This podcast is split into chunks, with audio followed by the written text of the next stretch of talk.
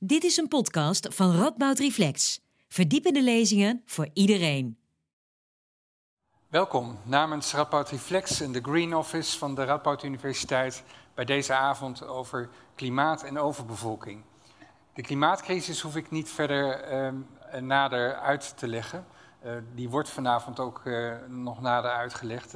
De klimaattop is net begonnen in uh, Glasgow. De eerste schermutselingen zijn al geweest. Dat er een klimaatcrisis is, mogen duidelijk zijn. Maar is dat eigenlijk wel het echte probleem? Is er niet een onderliggend probleem, of op zijn minst een, probleem dat gelieerd is? En dat is het probleem dat we gewoon met te veel zijn. Um, is, er, het, is de overbevolking niet de eigenlijke um, aanjager van het probleem? En zorgt die er niet voor dat uh, het klimaat uh, belast wordt? Dat is waar we het vanavond over gaan hebben. We hebben twee wetenschappers uh, gevonden die hier uitstekend over kunnen vertellen. Dat is de hoogleraar Milieufilosofie Mark Davidson en docent uh, filosofie bij pedagogische wetenschappen, allebei aan de Radboud Universiteit uh, hier in Nijmegen. ze gaan achter elkaar in in de, volgorde zoals ik het net heb aangekondigd hun verhaal vertellen. daarna is er een gesprek met mij als moderator. Um, en daarna is er ook gelegenheid voor jullie om vragen te stellen. Uh, ik ga de korte regels die daarvoor zijn uitleggen op het moment dat we daaraan uh, toe zijn. Uh, maar wees erop beducht dat je een vraag kunt stellen. Dus mochten hier vragen bij je opkomen tijdens het gesprek of tijdens de lezingen, dan kun je die inderdaad stellen.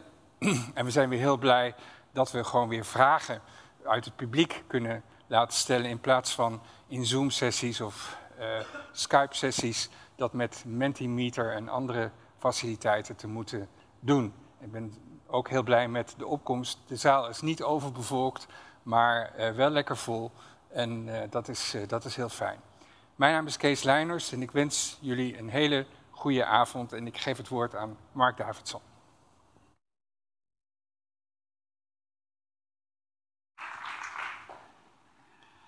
Goedenavond allemaal. Even kijken hoor, dit werkt. Ja, en mijn stem uh, is ook te horen, neem ik aan. Ja, uh, ook namens mij, welkom allemaal bij deze avond over bevolking en het klimaat. En ja, eerst uh, inderdaad, het gaat over de klimaatcrisis. Inderdaad, in Glasgow op dit moment wordt bediscussieerd. Ik kan in ieder geval al garanderen dat bevolkingsbeleid daar niet hoog op de agenda zal staan. Denk dat het überhaupt geen enkele keer zal worden genoemd. En we gaan vanavond er dan wat over hebben, of dat terecht is of niet. Allereerst even die term klimaatcrisis. Want vroeger hadden we het over klimaatverandering. Ik herinner dat uh, de Engelse krant The Guardian een aantal jaar geleden had besloten om het niet meer over klimaatverandering te hebben. Want ja, verandering, wat is daar op zich mis mee? Soms is het goed dat dingen veranderen.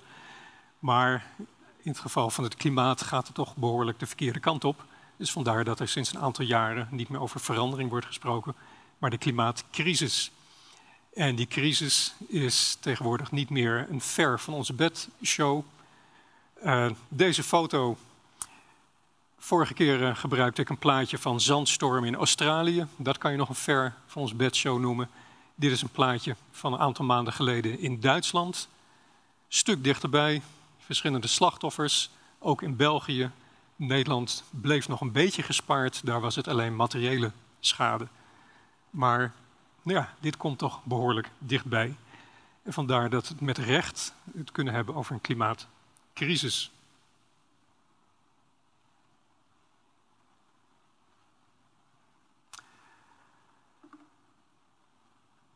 Daar is ook uh, het klimaatpanel van de Verenigde Naties inmiddels uh, van overtuigd, het IPCC. Twee belangrijke rapporten die ik even wil noemen.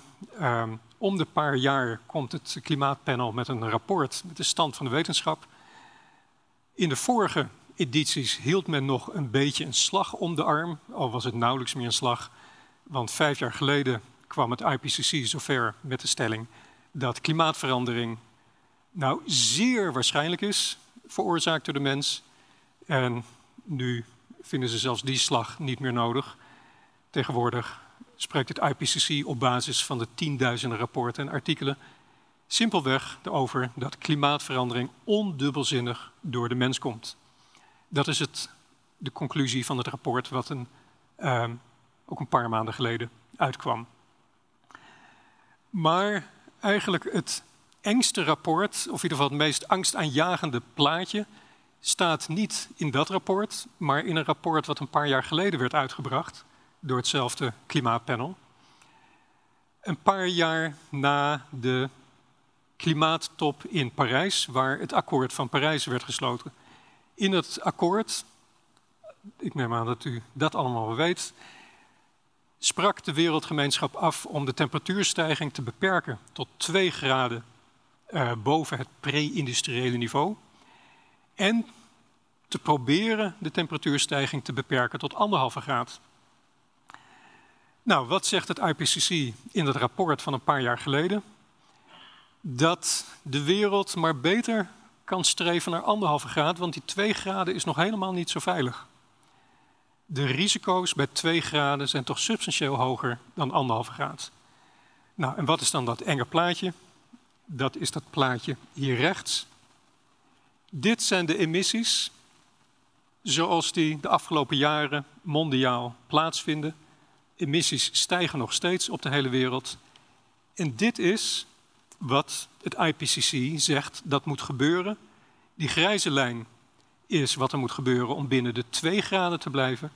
En die blauwe lijn is wat er met de emissies moet gebeuren om het tot anderhalve graad te beperken.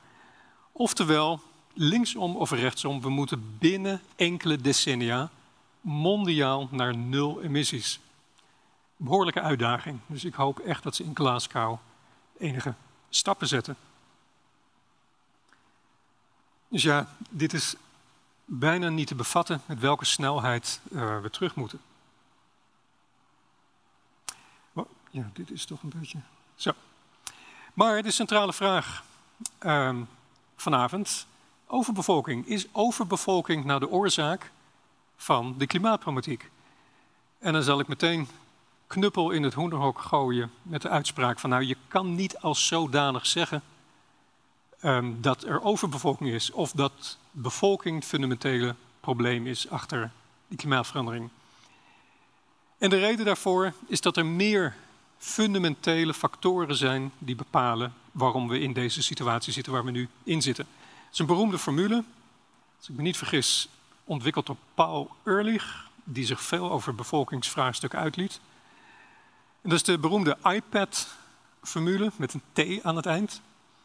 Nou, wat zegt die formule? Dat de totale impact die we op het milieu hebben, of de totale hoeveelheid broeikasgassen die we in het milieu brengen, uh, het product is van drie factoren. En daar is bevolking maar één van de factoren van. Dus ten eerste inderdaad bevolking, maar ten tweede ook ons consumptieniveau, ons welvaartsniveau. Dus hoe rijker we zijn, hoe meer we consumeren en hoe groter de milieudruk.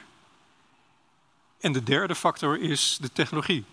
Hoe schoner de technologie, hoe lager onze impact op het milieu. Dus al deze drie factoren die bepalen wat onze totale milieu-impact is. Vandaar dat je niet letterlijk kan zeggen dat er overbevolking is, want als we allemaal bereid zouden zijn op een welvaartsniveau te leven van uh, nou ja, een tiende van wat we nu hebben, of uh, van mensen in de armste ontwikkelingslanden, nou heel kort de bocht, dan kunnen er nog wel een paar mensen bij. Uh, voordat we echt grote milieuproblemen krijgen. Het is een combinatie van al deze factoren. We zijn met heel veel mensen en we consumeren ook heel veel. Maar het blijft een feit de wereldbevolking blijft groeien. Dit is ook een plaatje van een andere afdeling van de Verenigde Naties. Een afdeling die zich bezighoudt met bevolkingsprognoses en het in kaart brengen van de huidige bevolking. En ja, die bevolking die blijft maar groeien. Je kunt dat uh, plaatje zien. In 1800 waren er minder dan een miljard mensen op deze planeet. En dat blijft exponentieel groeien. Inmiddels zitten we tot er boven, ruim boven de 7 miljard in een paar honderd jaar. Dat is die blauwe lijn. En die rode lijn daarboven, die geeft aan hoe snel die bevolking groeit. Het percentage waarmee de bevolking toeneemt. Um, nou is er wel te zien aan die rode lijn dat in de jaren um, 60, 80 van vorige eeuw dat de bevolkingsgroei verreweg het grootst was, meer dan 2% per jaar. Toen groeide de bevolking het hardst. Maar hij is nog steeds boven nul, dus die bevolking op deze planeet blijft nog steeds toenemen.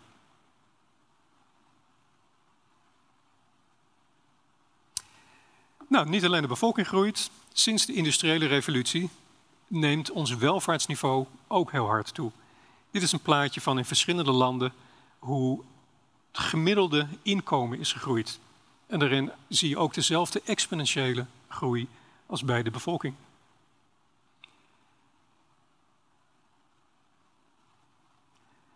Nou, gelukkig, uh, het is niet alleen maar groeiende bevolking en groeiende uh, consumptie. Gelukkig wordt de technologie ook wel schoner. Dit is een plaatje van uh, de hoeveelheid broeikasgassen die wordt uitgestoten per eenheid consumptie. Of per eenheid bruto nationaal product. Dat maakt niet zoveel uit. En dan zie je dat in de tijd de klimaatimpact per eenheid, per euro die we uitgeven, langzaam af, afneemt. Uh, China, dat begon met een hele grote achterstand, maar dat heeft ons intussen ook wel bijgehaald in de um, niet meer zo milieuvervuilend zijn als ze in het begin waren.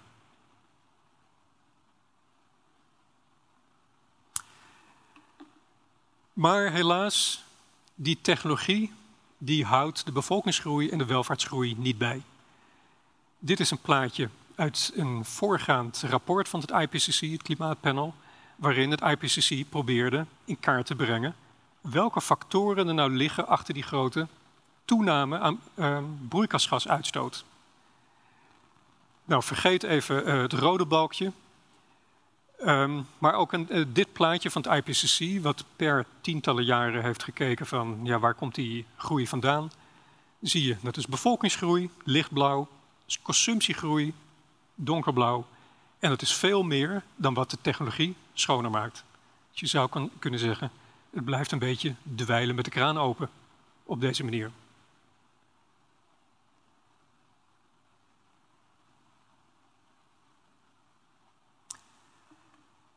Maar ja, er zijn uh, optimisten en die zeggen van geef het nou wat tijd. Um, toenemende welvaart, vooral toenemende welvaart, zullen alle problemen als uh, sneeuw voor de zon, um, toenemende zonnekracht, verdwijnen. Want, wat is het idee? Als de welvaart groeit, en dat is, kan je empirisch waarnemen in de geschiedenis van de mensheid, als de welvaart groeit, worden gezinnen kleiner. Hoe rijker men is over het algemeen, of beter gezegd boven een bepaald welvaartsniveau, uh, heeft men minder behoefte aan grote gezinnen. Of dat nou is dat men minder behoefte, uh, het minder noodzakelijk vindt om kinderen te nemen voor uh, de oude dagvoorziening, of omdat men um, meer tijd voor zichzelf wil, daar wil ik even vanaf zijn. Maar naarmate men rijker wordt, naarmate landen rijker worden, worden de gezinnen kleiner. En de, die demografische transitie, zoals dat heet, die zie je in de westerse wereld, waar de bevolking zonder immigratie zelfs krimpt. In Japan, in Rusland, uh, Europa, daar krimpt de bevolking zonder immigratie. Dus zou je kunnen zeggen, nou ja, is alle. En trouwens in India en China hetzelfde. Ook daar zie je met toenemende welvaart dat het kinderaantal per gezin afneemt.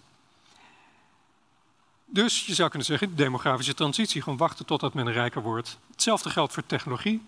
Het idee is, naarmate men welvarender wordt, wordt men, raakt men geïnteresseerder in het milieu om dingen op te lossen.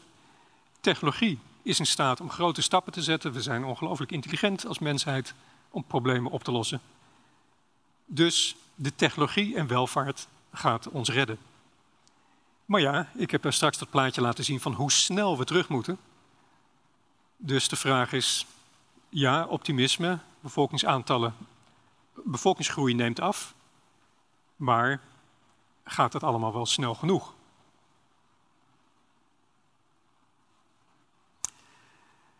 Nou, het valt niet te ontkennen, eh, de bevolkingsgroei is wat ongelijk verdeeld over deze planeet. Ik zei al dat in het westen, in Japan en Rusland, de bevolking krimpt. Uh, dit is een prognose van de Verenigde Naties voor uh, tot het eind van deze eeuw. En daarin zie je dat uh, inderdaad Europa, de blijft de bevolking nagenoeg constant of neemt hij wat af.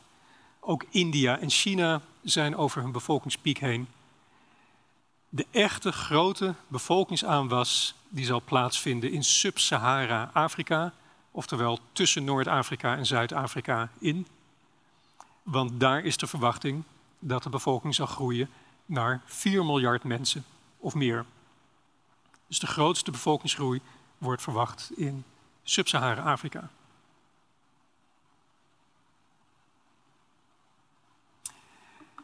Nou, dat, je zou kunnen zeggen, daar is een probleem, de bevolkingsgroei. Maar daar kan je het niet allemaal op afschuiven, want in het Westen kan je zeggen dat we overconsumptie hebben. Oud plaatje van allemaal lachende gezichten, hoe fantastisch het is van hoeveel producten we allemaal kopen. Meer is beter. Dus wellicht hier in het Westen hebben we eh, minder kinderen, maar de kinderen die we krijgen, die consumeren wel een stuk meer dan in um, ontwikkelingslanden. Geen reden om je helemaal geen zorgen te maken om um, bevolkingsgroei in ontwikkelingslanden. Want dat kan je alleen maar zeggen als je graag wil dat men op dat ontwikkelingsniveau blijft. Als je je bekommert om het ontwikkelingsniveau in ontwikkelingslanden, dus dat men in welvaartsniveau ook toegroeit naar ons niveau, welk recht hebben wij om hen dat te ontzeggen? dat geeft ook reden om je ook zorgen te maken om de bevolkingsgroei daar.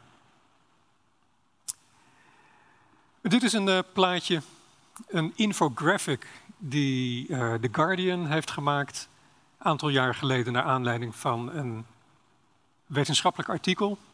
En in dat artikel hadden de wetenschappers in kaart gebracht welke persoonlijke keuzes je nou kan maken die werkelijk impact hebben op het klimaat welke leefstijl, of ja, dat is misschien een gek woord, welke persoonlijke keuzes hebben het meeste effect voor je emissies? En uit een onderzoek bleek dat dat nou niet echt is het indraaien van spaarlampen of wat kouder wassen of douchen. Maar de grote slagen begin je te maken met plantaardig eten. Dus in ieder geval minder vlees en minder uh, zuivelproducten. Beter helemaal plantaardig. Um, duurzame energie gebruiken. Minder vliegen, vooral intercontinentaal. Je ziet daar een wat beteuterd mannetje die niet op een intercontinentale vlucht is gestapt. Want het is natuurlijk verschrikkelijk leuk om naar verre landen te reizen en het niet alleen maar van televisie te zien. Maar dat heeft werkelijk impact. Uh, geen auto hebben. Maar de persoonlijke keuze die orde van grootte meer impact heeft dan al die anderen, volgens de onderzoekers, is de keuze van je gezinsgrootte. Eén kind meer of minder. En dan gaat het niet zozeer om het eerste of het tweede kind, maar dan daarna nadenken, wil ik nog een derde of vierde kind? U ziet waarschijnlijk dat dat een orde van grootte meer is, dus een balkje zelfs weg om dat aan te geven. En waarom is dat? Omdat door de keuze van een extra kind je verantwoordelijk bent voor de emissies van dat kind over het hele leven van het kind. En dat kind zal zelf ook weer kinderen krijgen. Dus vandaar dat die keuze verreweg veel groter is dan al die andere keuzes.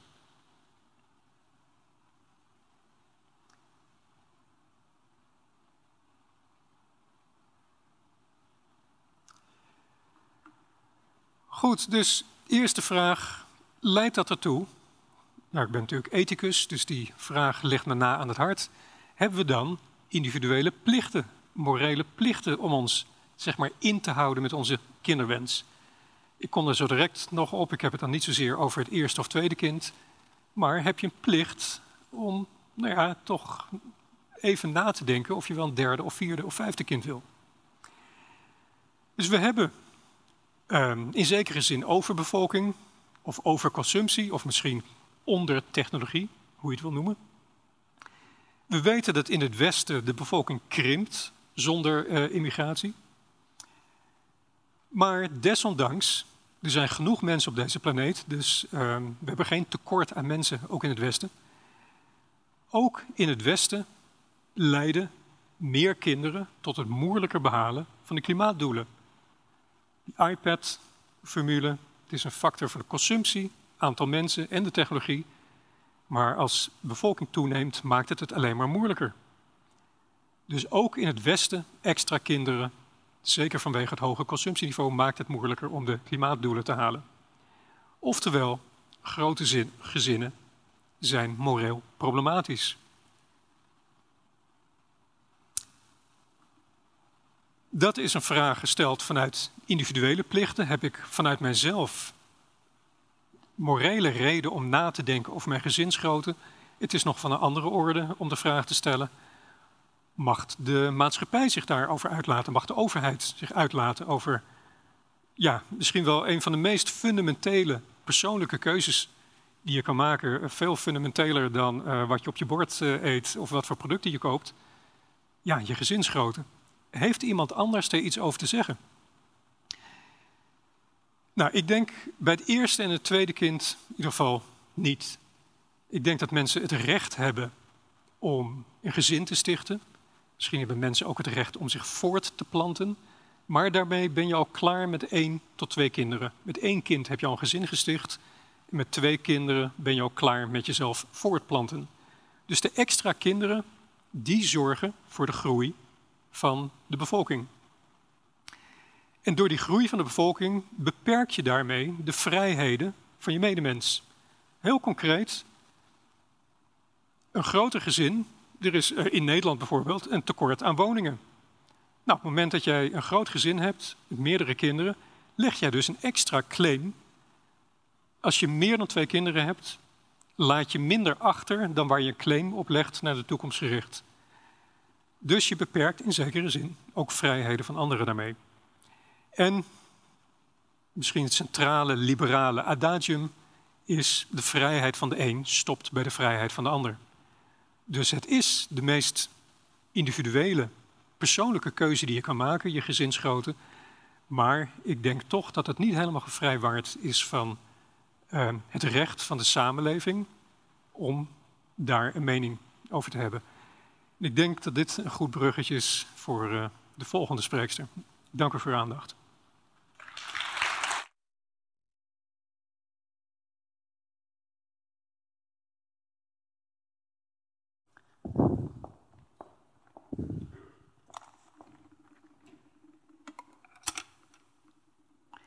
Dankjewel, Mark.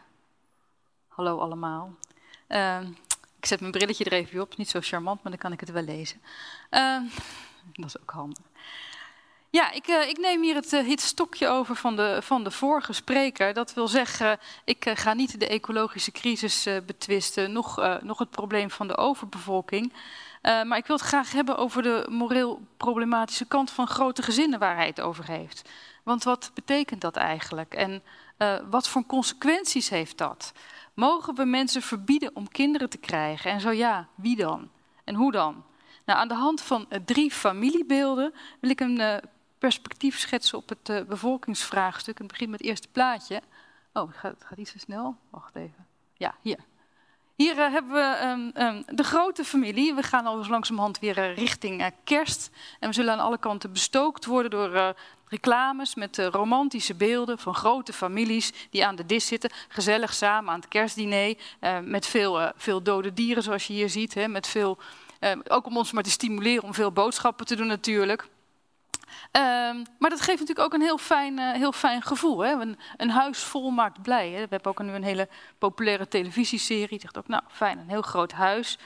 Um, en bij al die feel good heb je natuurlijk echt helemaal geen zin om aan je klimaatafdruk te denken. Je denkt, nou liever niet, het is gezellig. Veel kinderen, veel eten zijn nu eenmaal een teken van vreugde en welstand. En moeten we dit nou problematisch gaan vinden? Is dat nou niet een beetje zuur? Um, nou, daar wil ik het eigenlijk uh, over hebben, want kijk, uh, dit ziet er toch eigenlijk best gezellig uit. Uh, maar toch, toch wil ik die vraag wel aan. Is het problematisch? En dat begint eigenlijk, en het werd net al een beetje gesuggereerd, het persoonlijke is politiek, zeg ik. Om maar eens een oud feministisch adagium uh, van stal te halen. Um, het krijgen van kinderen is niet zuiver persoonlijk, maar heeft ook invloed op het leven van anderen en van de maatschappij. En tegelijkertijd um, ja, is het natuurlijk intiem en is het juist heel existentieel en juist heel erg persoonlijk. Hè? Uh, en andersom zie je dus ook dat de, de maatschappij en de maatschappelijke omstandigheden allerlei invloed hebben op het krijgen van kinderen. Kunnen we wel wonen? Uh, wat wordt hun toekomst eigenlijk? Hè? Dus het gaat aan de ene kant bij het krijgen van kinderen om uiterst persoonlijke en existentiële keuze en over intieme relaties. En aan de andere kant juist ook over maatschappelijke en sociale en politieke kwesties. En dat brengt mij eigenlijk bij drie, uh, drie vragen waar ik het over wil hebben. Uh, de eerste is eigenlijk, is het krijgen van kinderen een individuele en vrije keuze? Uh, mogen we beperkingen opleggen aan de reproductie? Um, en wat is nou eigenlijk een goede morele houding in deze? Hoe moet ik daar zelf nu in staan? Um, en dat probleem van die grote gezinnen brengt me even terug bij de geschiedenis. Uh, want het is niet de eerste keer dat we zeggen dat dat een probleem is. Uh, uh, in 1798 zei de bekende Britse demograaf, econoom en predikant Malthus had het er al over en schreef zijn is een essay, een essay on the principle of population. Want hij zag dat er een catastrofe aankwam. Aan de ene kant zag je een exponentiële groei van de bevolking. Nou, we hebben net ook plaatjes gezien. Exponentiële groei van de bevolking. En, er zei, en er is een lineaire voedselproductie. Dat gaat niet goed. We krijgen gewoon heel veel honger. Dat gaat leiden tot een catastrofe. Uh, en hij zei, ja, er moet dus iets gebeuren aan die alsmaar uitdijende bevolking, want we krijgen problemen. Um, en uh, hij zag als een oplossing voor die uh, problemen, zag hij de moral restraint. We moesten ons een beetje gedijst houden. En nou zag Malthus eigenlijk vooral een probleem dat al die arme mensen grote gezinnen hadden. Uh, dus hij richtte zich ook vooral op de, dat, dat uiteindelijk arme mensen zich zouden moeten onthouden van het krijgen van veel kinderen. Waarmee je dus eigenlijk twee vliegen in één klap had. Want je had dan en een armoedebestrijding en je had minder mensen eigenlijk best wel een beetje vergelijkbaar als we nu kijken hè, van waar zit dan de overbevolking.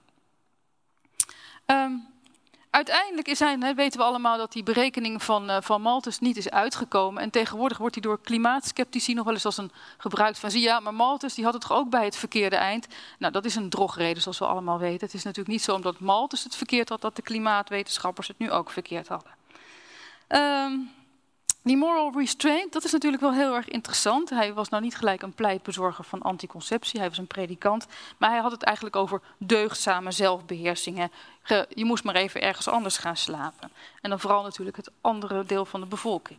Toch was die, die Malthus was wel een inspirerend figuur en leidde tot ook uh, de allerlei uh, vernieuwingsbewegingen. Onder andere de Nieuw Malthusiaanse Bond in Nederland. Die werd in 1881 uh, opgericht.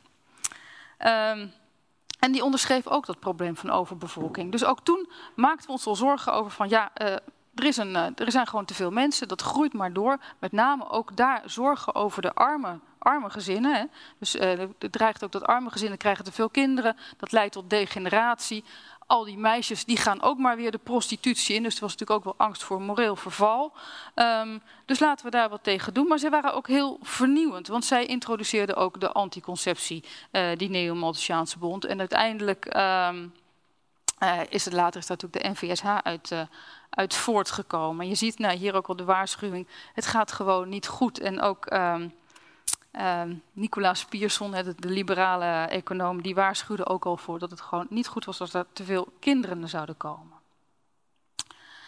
In de loop van de 20e eeuw zien we natuurlijk overal in de wereld, dat zagen we net ook, een, uh, een toename uh, van uh, de kleinere gezinnen. Een toename van de een afname dus van de bevolking op sommige plekken. In ieder geval, kleine gezinnen werden normaal. en heel bekend daarin is natuurlijk het uh, eenkindgezin in het, uh, in het Chinese uh, model. China die, ehm, die zagen eigenlijk net zoals Malthus ook op een gegeven moment wel een, een ramp op zich afkomen. We zagen zeggen, nou, de bevolking groeit enorm en we, en we hebben eigenlijk niet genoeg eten om die kinderen te voeden. En die bekwamen met het zogenaamde bevolkingsbeheersingsbeleid. Een beleid vanaf 1970 inderdaad om die catastrofe catastrofale groei te voorkomen. Het is trouwens interessant natuurlijk dat China daarmee bezig was. Hè. Um, in, de, um, in, die tijd, dat het ongeveer dezelfde tijd is natuurlijk ook dat de Club van Rome in de westerse wereld dus een rapport schreef van... Er was dus al 50 jaar geleden wel zicht dat het, dat we het, dat het de verkeerde kant op ging met ons en ook met al die mensen. Uh, China is uiteindelijk toch gekomen met een heel repressief uh, beleid, zoals we allemaal weten. In 1979 werd daar uh, de één-kind-politiek ingevoerd. en dat betekende dat ieder koppel nog maar één kind mocht krijgen. En het krijgen van een tweede kind was strafbaar.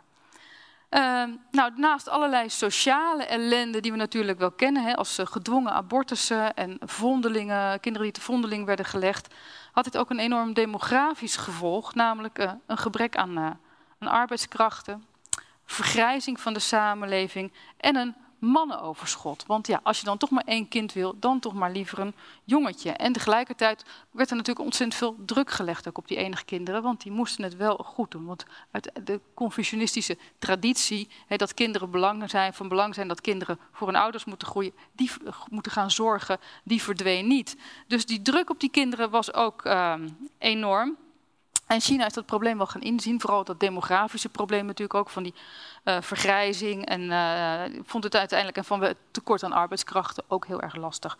Dus die hebben uiteindelijk gezegd in 2015, we gaan dit beleid loslaten. Er mogen twee kinderen komen per gezin.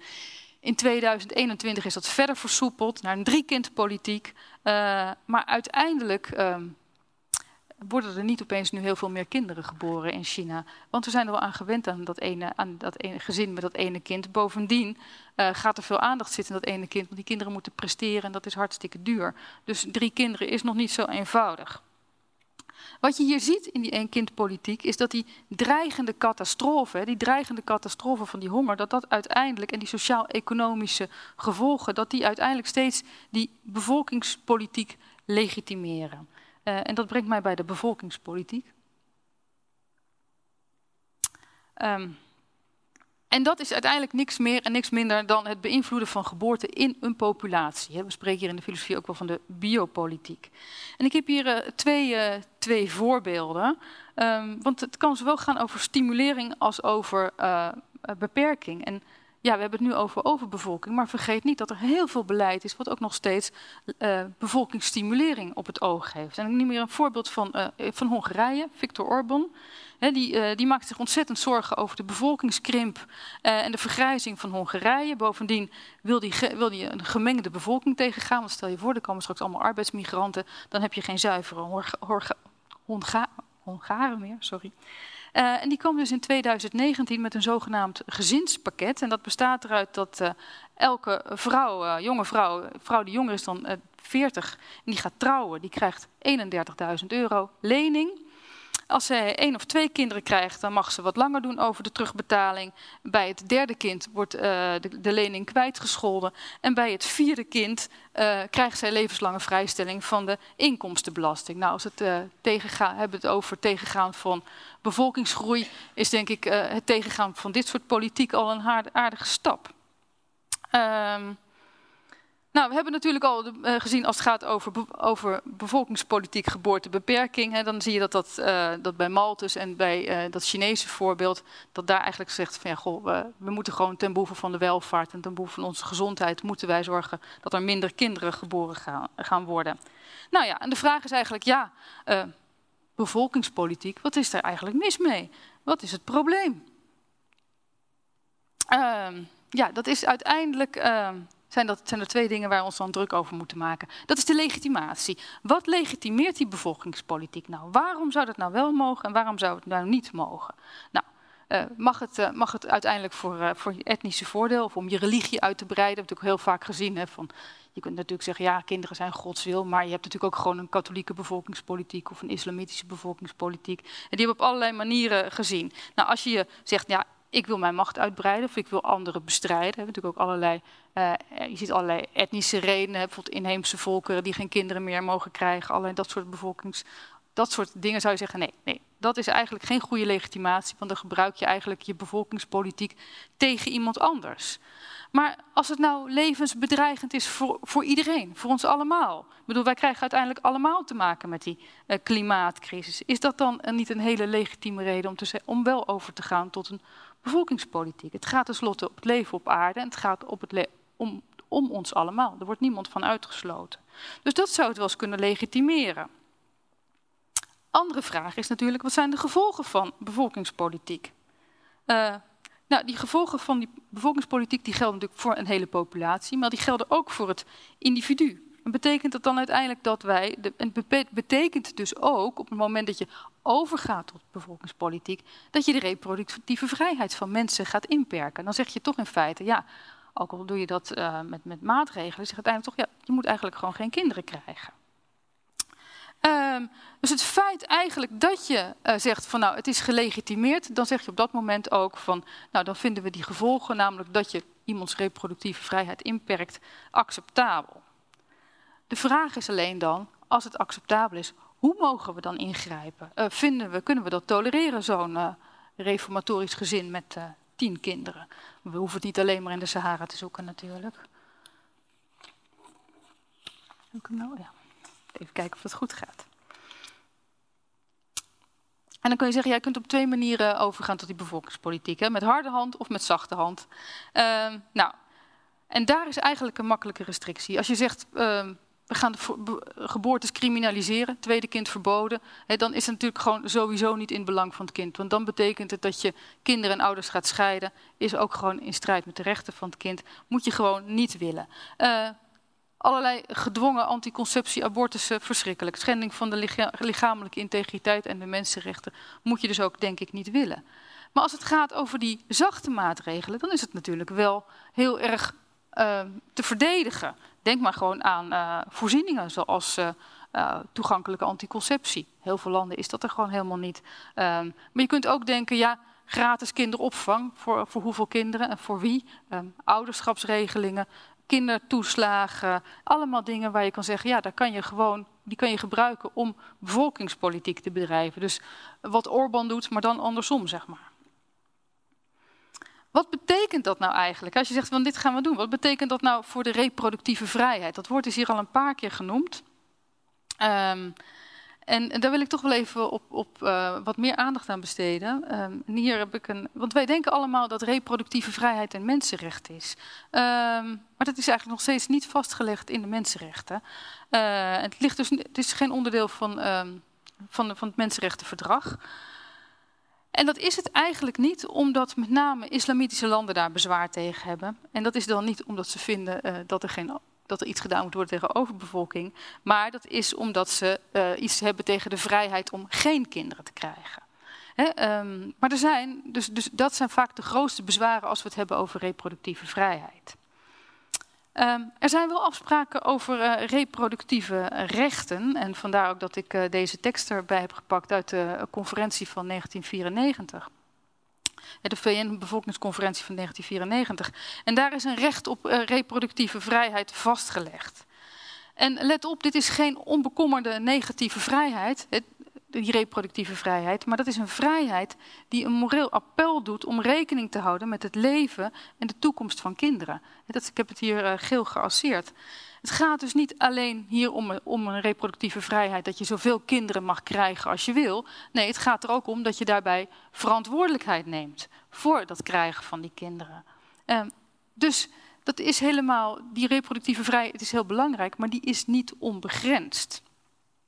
En de vraag is dan, die ik nu stel, van ja, hoe kunnen we dan deze verantwoordelijkheid uh, nemen? En dat begint denk ik bij de vraag, uh, waarom een kind? Kijk, en als je deze plaatjes ziet, dan denk je, oh wat leuk als je daar niet van smelt. Ja, ik ook. Dat is hartstikke leuk. Uh, maar misschien moet je toch bij, voordat je, voordat je overgaat tot het concipiëren van een kind, je wel eens afvragen, ja, maar waarom eigenlijk? Is dat niet ergens een afgeleide behoefte van mij? Als het nou gaat om, uh, om status bijvoorbeeld, uh, of omdat het uh, wel heel erg modieus is tegenwoordig om vier kinderen te hebben. Ja, misschien kan je er dan nog een keer over nadenken. Ik bedoel, je kunt ook iets anders in die bakfiets stoppen. Hè? Je hoeft dat niet. Dat hoeft misschien niet de reden te zijn.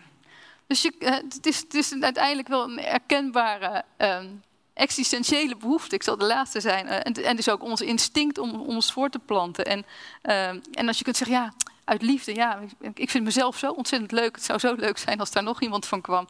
Nou, misschien kan dat ook op een andere manier, weet je. Dus je kunt je dat gewoon even, even afvragen uh, voordat je eraan begint. En ik stel eigenlijk voor dat we ook eens een keer een beetje anders gaan denken over het krijgen van kinderen.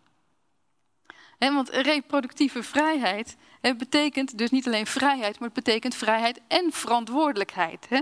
Dus uh, laten we dan eerst maar eens beginnen met het denken vanuit het belang van het kind.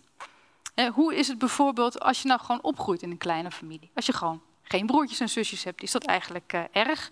En als je opgroeit tussen alleen maar oude mensen. We hebben natuurlijk dat plaatje van dat Chinese gezin gezien, met die ogen die allemaal op dat ene kindje gericht zijn. Is misschien niet fijn, maar het kan misschien ook wel, uh, kan ook wel anders. En uh, ja, hoe is het nou eigenlijk om in zo'n overbevolkte en hartstikke vervuilde wereld te, komen? Als je geboren wordt, als je in die woorden, die, in die wereld geworpen wordt, om maar even met Heidegger te spreken. Is misschien ook niet zo fijn. Uh, nou, om te beginnen wil ik eigenlijk even kijken naar die familie. Het opgroeien in een klein gezin. Dat denk ik altijd van, oh, dat is erg, dat is verschrikkelijk. Uh, en dat is ook, uh, ik kan u refereren aan een onderzoek in China wat gedaan is. Ten slotte hebben ze daar nu veel ervaringen met die uh, enige kinderen. Um, en daar hebben ze gekeken naar the only child as a lonely child, als een lonely stereotype. En dat bleek dat dat vrij wijd verspreid was. Hier ook wijd verspreid, hè, dat, dat idee dat dat heel zielig is. Een, E-, enige kinderen zijn eenzaam. Um, en onder ouderen in China bleek dat ook wijdverspreid. Die vonden ook dat dat, een, uh, dat eigenlijk heel zielig was. Maar toen ze bij die kinderen zelf gingen vragen, en adolescenten en, en jongvolwassenen, die als enig kind waren opgevoed. En toen bleek eigenlijk dat, zij, dat de enige kinderen onder hen, dat die zich minder eenzaam voelden dan de kinderen die uh, nog wel een broertje of zusje hadden. Want het waren niet alleen maar één kindgezinnen. Um, dat is een eh, uitgebreid onderzoek dat gedaan is door uh, Amerikaanse en Chinese onderzoekers in zes grote steden in China. Uh, dit jaar gepubliceerd. Dus dan blijkt eigenlijk dat het ook wel een beetje over gaat wat we nou, wat we nou gewend zijn. Als iedereen om jou heen uit een één kindgezin komt, dan is het misschien niet, dan is dat de norm en niet meer zo gek. En kinderen socialiseren zich natuurlijk niet, socialiseren niet alleen in het gezin. Dus uh, daar kun je naar kijken. En misschien moeten we ook, als we nou kijken over, denken over bevolkingskrimp, ook eens misschien opnieuw gaan kijken naar die familieideologie. En dat geldt dan zowel natuurlijk voor de confucianistische traditie in China, hè, waar uiteindelijk dat kind voor die ouders moet zorgen, maar ook onze christelijke tradities hier. Hè. We zijn altijd heel erg gewend aan die familie. Uh, aan die familieclan die voor elkaar moet zorgen. En dat die kinderen voor die ouders moeten zorgen. Eert uw vader en uw moeder. Heb ik het hier ook al over gehad. Solidariteit hè, is uiteindelijk, uh, zou misschien eens wat breder moeten zijn dan de familie. Dan kunnen we anders gaan nadenken.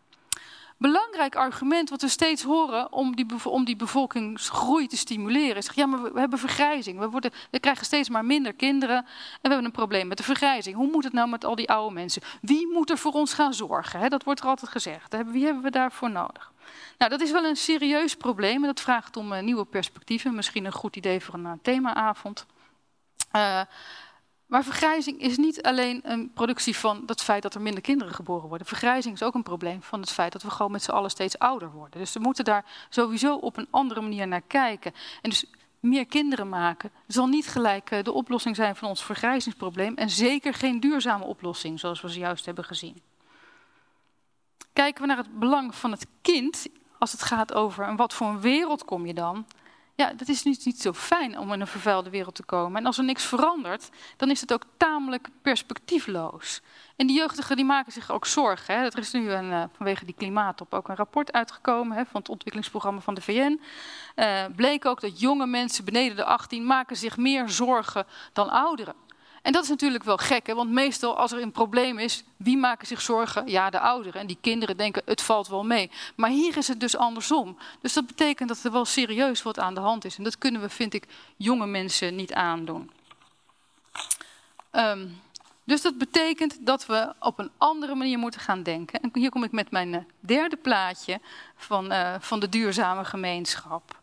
En ik denk dat we naar een uh, invulling moeten gaan, een andere invulling van de familie waar het er niet om gaat dat er veel kinderen geboren worden. Uh, en dat we ook niet alle maatschappelijke druk die er is op die schouders van die paar kinderen kunnen gaan leggen. Nee, dat we dat met z'n allen moeten gaan doen. dus minder mensen, minder consumptie, uh, meer ruimte voor mens, voor dier, voor natuur. En zelfs denk ik nog een beetje ruimte om gastvrij te zijn voor een vreemdeling. Waarom moeten wij een andere planeten uh, koloniseren. Misschien komt er nog eens een keer hier iemand langs.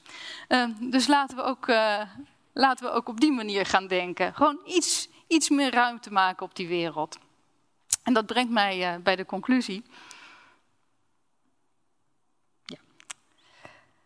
Ik stelde drie vragen. En de eerste vraag was: is het krijgen van, van kinderen een individuele en vrije keuze? Nou, dat is het dus maar in beperkte mate, want we delen een wereld. En we hebben een verantwoordelijkheid naar het toekomstige kind. Dat hebben we gewoon. Dus nee, we zijn, het is niet zomaar een individuele en vrije keuze. Mogen er dan uh, beperkingen worden opgelegd in reproductie? Ja, we hebben gezien als het gaat om een catastrofe voorkomen waar we allemaal last van hebben, dan is dat te legitimeren. Als ze mensenrechten schenden, niet. Dus dat, kunnen, dat is een restrictie. Uh, maar een bevolkingspolitiek waar, die veel kinderen krijgen onaantrekkelijk maakt, daar moeten we het gewoon over durven hebben. En uh, een stimulerende bevolkingspolitiek, die moeten we gewoon tegengaan, actief, denk ik. Wat is dan een goede morele houding? Nou, ik zou zeggen verantwoordelijkheid nemen ten aanzien van de wereld en ten aanzien van toekomstige generaties. Denken vanuit het belang van dat al dan niet te verwekken kind. En laten we openstaan voor uh, alternatieve en duurzame scenario's. Dus naast het utilistische bezwaar van de vorige spreker tegen grote gezinnen, zie ik ook nog wel een deontologisch bezwaar. En het gaat niet alleen om een uh, collectieve, maar het gaat ook zeker om een individuele verantwoordelijkheid. Die twee gaan hand in hand. Dank jullie voor je aandacht. Ik zet deze even terug.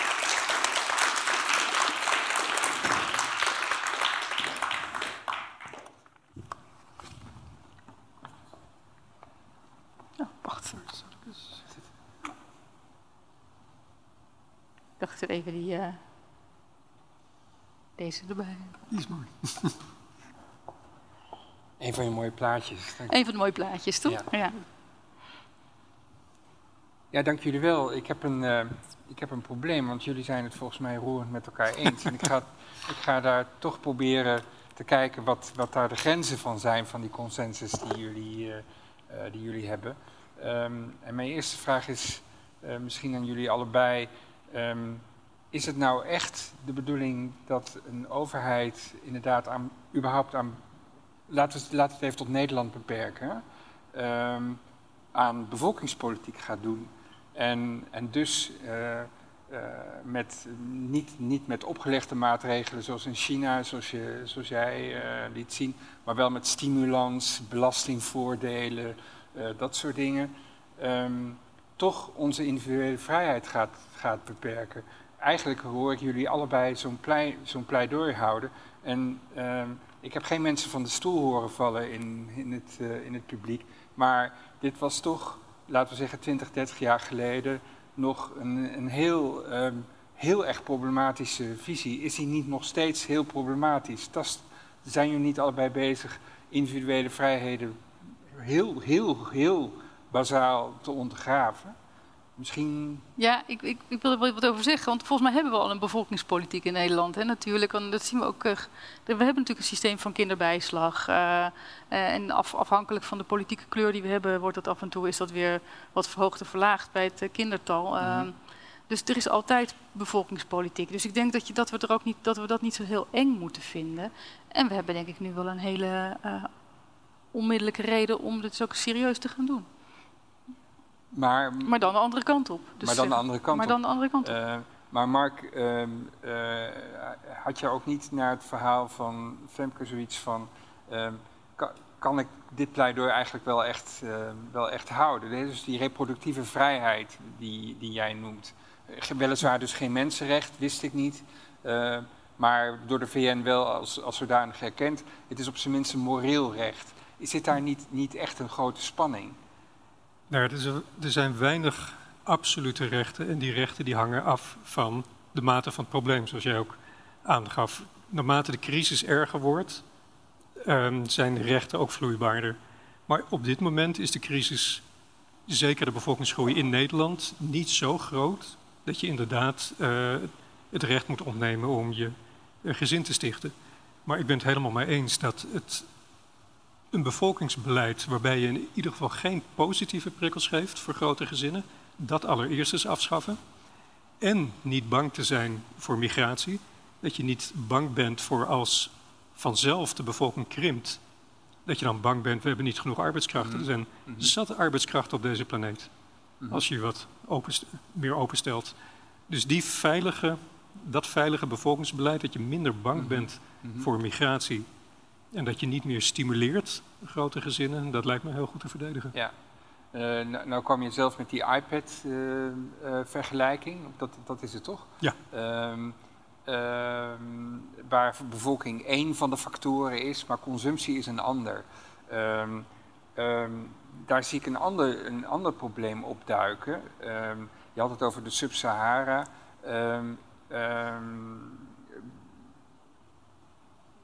Is er geen probleem met, ik, ik aarzel een beetje, een soort neocoloniale houding die we hebben ten aanzien van het vingertje naar, daar naar wijzen. Uh, jullie, zijn met te jullie komen met te veel en jullie moeten je eigenlijk niet ontwikkelen. Maar we willen natuurlijk wel dat ze zich ontwikkelen, maar was, al was het alleen maar om onze producten af te zetten, zeg maar. Um, is, is daar niet een probleem in, in onze houding? Is daar geen moreel probleem van neocolonialisme? Een heel groot probleem, want inderdaad, zij maken enkel dezelfde ontwikkeling door die wij in het verleden hebben doorgemaakt. Dus ook de bevolkingsgroei en de welvaartsgroei. Dus hebben weinig recht van spreken om hen dat te ontzeggen.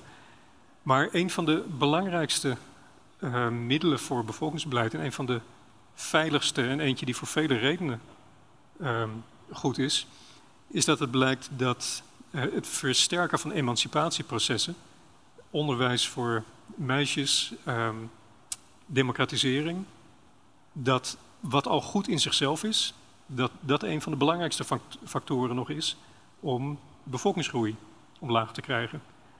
En ik denk dat dat stimuleren niet zozeer een neocolonialisme is. Kun je dat uitleggen, hoe dat zit?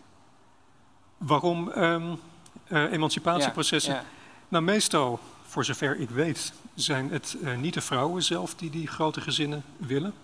Dat kan status uh, zijn of de mannen die vinden dat. Mm -hmm. Dus als vrouwen meer zeggenschap daarover krijgen, dus hun reproductieve rechten worden versterkt, dat dat ertoe leidt dat gezinnen kleiner worden.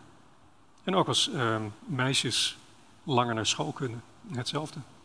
Ja, en, en dat vind je minder neocoloniaal uh, als, we, als, we, als we op die kaart uh, het zetten. Kijk, sowieso kunnen wij niks dwingend opleggen, want dat zou sowieso inderdaad neocoloniaal zijn. Maar het aanbieden, het versterken van democratische processen, het uh, ter beschikking stellen van hulp daarbij, mm -hmm. dat lijkt me uh, mogelijk. En dat minder problematisch, ja. moreel gezien, uh, ja. uh, zeg maar. Um, ja, ik, ik, heb... ik, denk dat we eigenlijk pas recht van spreken hebben op het moment dat wij ons consumptieniveau op dat van de Sub-Sahara hebben. Toch? Als wij even hard werken aan het terugbrengen van onze consumptie als zij ja, ja inderdaad. Ja. Zolang wij blijven doorconsumeren als we doen, hebben we geen enkel recht van spreken. Klopt. En, en is, is dat niet wat jullie allebei zeggen? Uh, de bevolking is misschien niet. Uh, het klimaatcrisis is het probleem, maar misschien is het niet echt het probleem. Overbevolking is het probleem, maar misschien is dat ook niet het echte probleem. Het is het echte probleem precies die consumptie. Is dat, niet, is dat niet eigenlijk het. Uh, het is de combinatie het, van beide. Hè? Ik bedoel, het zijn een kind wat hier consumeert, dat Mark liet het ook heel mooi zien. Dat, dat, ja, dat is natuurlijk een veel milieuschadelijker wezen dan een kind in de Sub-Sahara. Maar tegelijkertijd vinden we het ook een beetje zielig, die hongerende kinderen. Dus uh, dat is niet, uh, niet iets nastrevenswaardigs, denk ik. Dus je wilt een, een, een, verdeling natuurlijk van, van, van welvaart. En als we dat willen, en dat is natuurlijk in die zin een oud probleem, ja, dan moet je niet met niet zoveel mensen zijn. Dat kan mm -hmm. gewoon niet. Mm -hmm. En welvaart is nu misschien niet zomaar tekort aan eten, maar te, tekort aan uh, aarde ja. en frisse lucht. Ja. ja. Maar, maar nogmaals, uh, die, die, in die vergelijking van Mark waren er een aantal, zijn er, hè, dus die iPad, of hij is niet van jou, maar uh, hij is, verscheen op een plaatje van jou. Um, daar is consumptie inderdaad een van de, een van de factoren. Um, uh, we zouden het vanavond over overbevolking hebben, maar het probleem verschuift zich eigenlijk naar die consumptie, toch? Het gaat samen, denk ik. Hè? gaat mm -hmm. samen. Je kunt, ik denk als, als uh, ja, je kunt natuurlijk met heel weinig mensen heel veel consumeren. Je kunt ook met heel veel mensen weinig consumeren. En het zit daar een beetje tussenin. En we zullen het allebei moeten doen. Dat, dat is denk ik heel duidelijk. Het is alleen wel zo dat, dat een kind wat, wat hier gewoon, uh, of een mens hier, ja, die consumeert dusdanig veel dat elk mens dat je daar extra van hebt, ja, dat is gewoon een groot probleem. Dat, dat, dat blijkt. Mm -hmm. Maar ik denk toch dat het ook moeilijk te ontkennen valt dat als het naar 4 miljard mensen groeit in Sub-Sahara Afrika, dat het niet alleen voor milieuproblemen voor de wereld, maar voor die familie zelf Ja. een probleem zal zijn. Zo'n explosieve bevolkingsgroei. Uh, nou ja, je krijgt dan een Malthusiaanse toestanden uh, daar. Dus het is denk ik in hun eigen belang dat wij helpen om die bevolkingsgroei te beteugelen. Ja, en, en to, toch blijf, blijf ik toch een gevoel houden. Zijn wij niet op dezelfde manier met dat, met dat vingertje bezig? Uh, eind, eindelijk, ze gaan groeien. Uh, ze willen ook meedoen met de welvaart. China helpt ze daarbij. Um, wie zijn wij om dat, om dat tegen te nee, houden? maar dat is mijn punt. Hun welvaartsgroei zal veel sneller gaan als die niet teniet wordt gedaan door de bevolkingsgroei. Mm -hmm. Het zal veel moeilijker zijn om hun welvaart omhoog te krijgen zolang de bevolking te snel blijft groeien. Ja, dus het is inderdaad in hun eigen belang, zeg je, uh, dat, uh, dat op de een of andere manier die populatie ja. minder groeit of minder snel groeit in ieder geval. Maar het is helemaal waar wat iemand uit Congo een keer tegen me zei. Uh, dat, waar hebben jullie het over in Nederland? Uh, zelfs als de bevolking met een factor 10 groeit, hebben we nog niet de bevolkingsdichtheid uh, van wat we hier in Nederland hebben. Ja. Dus ja, we moeten heel erg oppassen. Maar ja, het gaat om de draagkracht van de plek ter plekke, de draagkracht van het sociale systeem. Mm -hmm. Ja, even naar um, jouw pleidooi aan het eind, uh, jouw mooie plaatje. Dit, dit is deze, hè? Ja. Uh, waar, waar, waar, de dieren ook, het spreekt mij persoonlijk heel erg aan, de dieren levend zijn en niet dood. En op borden, uh, en op borden zijn, zijn beland. Um, dat is een heel mooi verhaal, maar um, je had het zelf over die instincten. Uh, de wens om een familie, een, een, een kernfamilie te vormen. Um, is het niet een heel idyllisch, heel idyllisch plaatje? Ja, dat is het zeker. En ik denk ook dat we in tijden van crisis uh, uh, utopieën nodig hebben. Ik denk dat we hebben nu zoveel dystopieën gehad de laatste tijd. Um, en ik denk daar worden, we, daar worden we alleen maar cynisch van. Dus laten we vooral eens weer gaan kijken naar hoe het, hoe het wel kan en hoe het anders kan.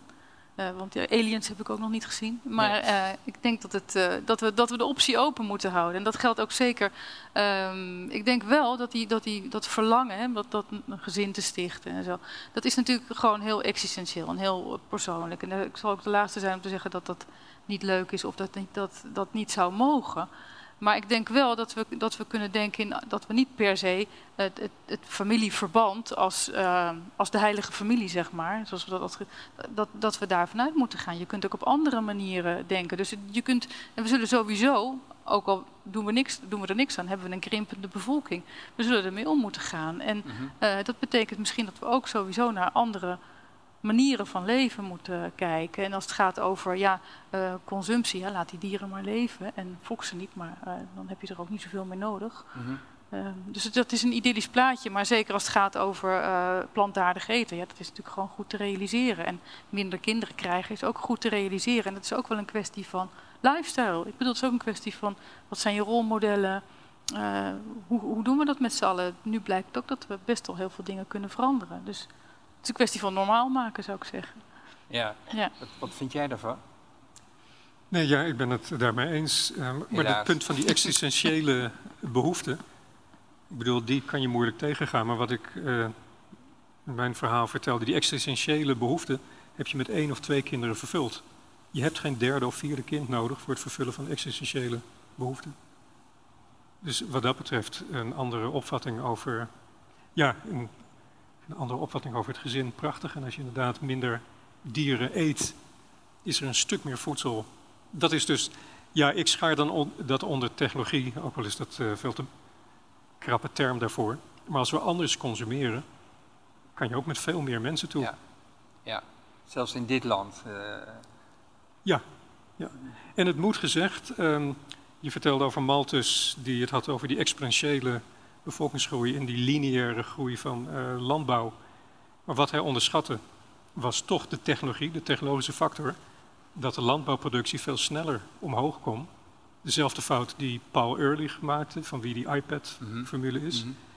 Dat, het moet gezegd, tot op heden is de voedselproductie sneller gegroeid dan de bevolking. Mm -hmm. Dus uh, soms moet je de technologische optimisten uh, wat gelijk geven. Dat de mens als de nood aan de man of vrouw is, toch uh, inventief is. Maar die voedselproductie is in ieder geval dit land juist ook het probleem, toch? Dus uh, milieu, vanuit het milieuoogpunt gezien, bedoel, niet voor niets is nu het kabinet in wording toch over de, over de scheef en gaat het hebben over reductie van, uh, van landbouwproductie hmm. en zo. Dus die voedselproductie zelf is, is ook een, een, een factor, toch? Uh, ja, dat klopt. Maar dat is vooral uh, de onze toenemende vleesconsumptie. Mm -hmm. Die legt een veel grotere belasting op het milieu dan een plantaardige dieet. En er zijn nog steeds hele grote ontwikkelingen in de landbouw die de landbouw efficiënter maken. Zoals de groene revolutie een aantal decennia geleden. Mm -hmm. Ja, ja. Um, even, even, even om het toch nog, ik ga toch proberen het weer op scherp te, te stellen. Um, vinden jullie uh, allebei dat we, we, we, we, krijgen Deo Volente een nieuw, een nieuw kabinet ooit? Um, vinden jullie dat er, uh, uh, of, ja, oké. Okay. Jij weet al welk kabinet het wordt. Ja. Uh, vind, vinden jullie dat dat kabinet inderdaad, uh, bijvoorbeeld in de, in de belastingsfeer en in, uh, in, in, de toeslagensfeer, daadwerkelijk inderdaad moet bevorderen dat we op zijn best, op zijn hoogst twee kinderen gaan krijgen? Vinden jullie dat dat gerechtvaardigd is en dat dat geen inbreuk is op, op, op vrijheden die burgers ervaren? Ja of nee? Uh, ik vind dat, ze dat, dat, dat dat mag gebeuren, ja. Sterker ik vind dat eigenlijk een morele verantwoordelijkheid... om te zorgen dat dat uh, beperkt blijft tot twee kinderen. Ja. En Mark? Ik vrees dat ik het toch weer eens ben. Zolang dat in de financiële sfeer blijft, dus het niet geven van bonussen... er hoeft geen boete op te staan... Maar, ehm, en zeker niet de andere methodes die je, nee. die je noemde. Maar het, het wegnemen van subsidies voor grote gezinnen, dat uh, zeker. Maar... Um, een beetje uitkijken in de toeslagensfeer. Ja, ja. ja de toeslagensfeer is een, heel, weer een hele andere avond. Ja, um, Maar sowieso in dat hele bevolkingsbeleid, wat jij ook aangaf, waar je ver van moet blijven, is een bevolkingsbeleid wat niet het wereldprobleem uh, in het vizier heeft, mm -hmm. maar wat bevolkingsbeleid probeert te voeren voor een bepaalde groep. Dus van dat een bepaalde groep te weinig of te veel is. Ik bedoel, als het die kant op gaat, moet je meteen van bevolkingsbeleid afblijven. Ja, dat was je, je Victor Orban ja. Uh, ja. voorbeeld. Uh, en dat is natuurlijk niet wat je, wat je bedoelt. Integendeel nee. eigenlijk. Nee. Uh, dus dat, dat heb ik ook al meegekregen. Maar, um, maar sommige mensen vinden het gewoon heel, heel, heel fijn en heel geweldig om een gezin van vier te hebben. van vier kinderen te hebben. dat, dat, daar ingrijpen is het toch... Het hoeft ook niet onmogelijk te zijn. Sommige mensen vinden het heel fijn om een Porsche te hebben. Mm -hmm. Dat wil niet zeggen dat het gesubsidieerd hoeft te worden. Mm -hmm. Ja. Ja. nou ja, je, je kunt dat, ja, je, dan kan je zeggen, ja, maar is dat dan niet heel onrechtvaardig? Want dan ja. is het alleen maar voor ja. de rijken, hè? Ja. Dan zou je zeggen, ja, ja, dat geldt dan voor die Porsche ook. Dus dat is natuurlijk wel, ja. Nou ja, je zou ook nog kunnen denken, misschien moet je gewoon zelfs een ecotax heffen hè, op... Uh, uh, als, je, als je dan toch dit soort milieu, milieuvervuilende activiteiten wil, een beetje polemischer maken, moet je dan niet een ecotax zetten op het derde mm -hmm. kind. Mm -hmm. Ja, dat, dat is natuurlijk, dat maakt het wel gelijk wat... Je moet uh, gaan betalen voor, uh, het, voor het gewoon, hebben van meer dan ja, twee kinderen. Ja, ja, dan ga je het maar zelf financieren. Succes ermee. Dat, uh, dat zou je kunnen, kunnen bedenken. Dat zou natuurlijk wel een stuk repressiever zijn, maar je zou het vanuit, als we zeggen, nou, we zien het plaatje van we moeten die klimaatdoelstellingen halen, dan moeten we radicale maatregelen voor nemen. Ja, dan gaat, moet, die, die, die, moet die Porsche er ook gewoon uit, gewoon helemaal weg. Mm -hmm. Ja, dan kan je ook zeggen, doe een ecotax op derde kind, waarom niet? Kom met radicale maatregelen, anders komen we er nooit. Ja, dus je pleit voor een nog radicalere maatregel. Maar uh, ik zal toegeven dat zolang we nog zoveel maatregelen hebben om onze consumptie te beteugelen, om technologie te stimuleren, die we allemaal niet treffen, dat um, bevolkingsprikkels die staan niet op de hoogste prioriteit nee, bij mij. Nee. Van, kijk, als al die andere maatregelen worden genomen en die hebben te weinig effect, mm -hmm. dan komt het wat mij betreft in beeld. Mm -hmm. Ja, die subsidies kunnen sowieso worden afgeschaft. En je, je, je, bedoelt dan bijvoorbeeld inderdaad de, de, Porsche, dus het feit dat we nog... Nee, nee niet de Porsche. Uh, de, de, grote biefstukken van tafel. Ja. Bijvoorbeeld. Of echte um, belastingen op uh, vliegen, belastingen op energiegebruik, hoe pijnlijk dat ook is. Rechtvaardig ingevoerd, met goede verdeling van de kosten en baten over de bevolking, mm -hmm. maar toch. Dat kan nog veel Dus dan zoek je het inderdaad in die factor consumptie. Ja, en, en niet in de factor consumptie en technologie en niet in de factor populatie ja, van, je, van, je, van je vergelijking. Maar waar hebben we het dan hier vanavond over? Nou ja, dat die populatie natuurlijk wel, wel een, eh, een, een, serieus probleem is in de zin op het moment dat al die, al die mensen zo consumeren. Maar het staat mhm. niet los van elkaar. Je kunt niet alleen zeggen, goh, als er nu geen mensen meer geboren worden, dan hebben we het probleem opgelost. Of dat is de oplossing voor het probleem. Ik denk dat dat heel duidelijk is. Uh, maar het, het, probleem is natuurlijk wel, en we, we, moeten natuurlijk ook radicale stappen nemen. Willen we uh, inderdaad komen tot, tot, die, tot die reductie van van die uitstoten van onze mhm. problemen. En dan, moet, mhm. dan is natuurlijk wel, als je ziet wat, als jij dat plaatje laat zien, ook van hoeveel uh, een extra kind, uh, uh, wat voor gevolgen dat heeft, dan denk ik, ja, dan hebben we het daarover. En ja, dan denk ik dat het ook gewoon iets is wat je wel hardop moet durven zeggen. En nou ja, wij zijn het misschien wel eens, maar uiteindelijk denk ik dat bevolkingspolitiek nog steeds een heel uh, naar woord is. En we zien dus ook dat er nog steeds ook regimes zijn die bevolkingspolitiek de andere kant op voeren. en uh, ik denk dat dat ook iets is waar we uh, het hardop over moeten, moeten durven spreken dat dat niet oké is. En dat geldt dus ook voor, voor een ChristenUnie of de, de, christelijke partijen die zeggen ja, er hè, moeten maatregelen zijn ten behoeve van de grote gezinnen. Ook dat is natuurlijk een minderheid in Nederland die dan een grote druk legt waarvan je denkt ja, moeten we dat dan wel legitiem vinden? Dan heb je wel een polemische vraag natuurlijk. Ja, ja. Krijg, dat lijkt een beetje op de vaccinatiediscussie. Ja, ja. ja dat, daar was ik net aan. Uh, die, kwam bij mij net naar boven. Het gaat iedere keer over diezelfde Bijbelbelt eigenlijk. Um, um, en, en, en wat, je nu, wat je nu opwerpt is inderdaad een, een nog, radicalere, een nog radicalere stap. Um, en daar vraag ik me, vraag ik me af, gaan we, gaan, we, gaan we inderdaad niet een grens over daar? Ook een morele grens, want dat, daar, mhm. daar, hebben we, daar hebben jullie het over. We hebben allebei een, ethische, een ethisch perspectief ook, uh, ook uh, geboden. Ja. Um, hoe erg we het ook vinden en hoe abject we misschien de ideologieën vinden van mensen, of daar ons niet in kunnen herkennen. Um, die mensen mogen wel bestaan en ja. mogen doen wat ja. ze uh, wat ze willen, bij wijze van spreken. Is, is, is, daar geen, is, is daar niet een, een, een, een grens? Begin je niet te raken aan een, aan een grens daar? Nou ja, als we kijken naar Nederland, hè, de vrouwen in, op Urk krijgen gemiddeld de meeste kinderen. Die krijgen gemiddeld vier kinderen. Ja. Um, maar gewoon even wat te benoemen. Zij zeggen, ja. ja, we moeten dan naar, naar Urk gaan en zeggen, nou daar, daar moeten, moeten we toch, uh, moeten toch eens een keer verboden worden die vrouwen daar zoveel kinderen krijgen. Dat, dat, zou, zouden we heel, hè, dat zou dan echt gerichte bevolkingspolitiek zijn tegen een bevolkingsgroep. Ja. Um, ja, dat, dat is natuurlijk best discutabel. Hè, maar tegelijkertijd zeggen we nu, ja, maar dat moeten we eigenlijk gewoon ook subsidiëren. Want uh, die kinderbijslag die, die gaat gewoon door en die telt op. Nou, dat zijn natuurlijk dingen, ja, daar denk ik, dat, dat hoeft natuurlijk niet. We hoeven het niet te subsidiëren. Mm -hmm. uh, maar ja, mag je met een... Uh, anticonceptievoorlichtingsprogramma naar de school in Urk? Ja, dat, dat mm is natuurlijk -hmm. een uh, volgende vraag. Ja, -hmm. ja. en Ant, geef eens antwoord.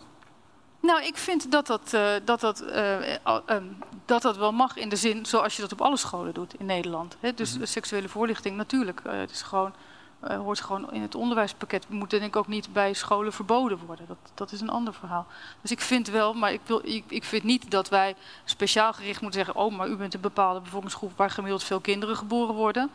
Nou, om, in uw etnische groep of in uw religieuze groep, we gaan op u gericht bevolkingspolitiek mhm. voeren. Dat zou natuurlijk mhm. schandelijk zijn.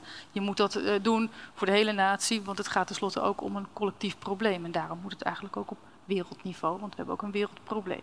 Mm -hmm. En dit zou dus eigenlijk in Glasgow besproken moeten worden. Dat is eigenlijk wat ik, wat ik jullie impliciet hoor, hoor zeggen, of niet? Ja, in Glasgow horen zulke fundamentele dingen eigenlijk besproken te worden die niet worden besproken. De totale welvaartsverdeling op deze planeet. De rijke landen vragen de arme landen emissies te reduceren zonder daarvoor flink te betalen. Maar je kan het fundamenteler bekijken. Ik zei dat de um, naarmate mensen rijker worden of welvarender of een bepaald minimumniveau bereiken, worden de gezinnen kleiner. Wij hebben te veel consumptie in het Westen. Uh, in arme landen is er een grote bevolkingsgroei, maar ook omdat men simpelweg daar nog een stuk armer is. Dus ik zou zeggen, los die mondiale ongelijkheid eens op. Dat lost wat van onze overconsumptie op. En het zorgt ervoor dat uh, men daar beter levensniveau mhm. bereikt. Mhm. Wat ook een positief gevolg zal hebben voor de bevolkingsgroei. Mm -hmm. En hoe, hoe gaan we dat doen? Aha. uh, dat hoor ik graag uit de zaal. ja, nee, dat.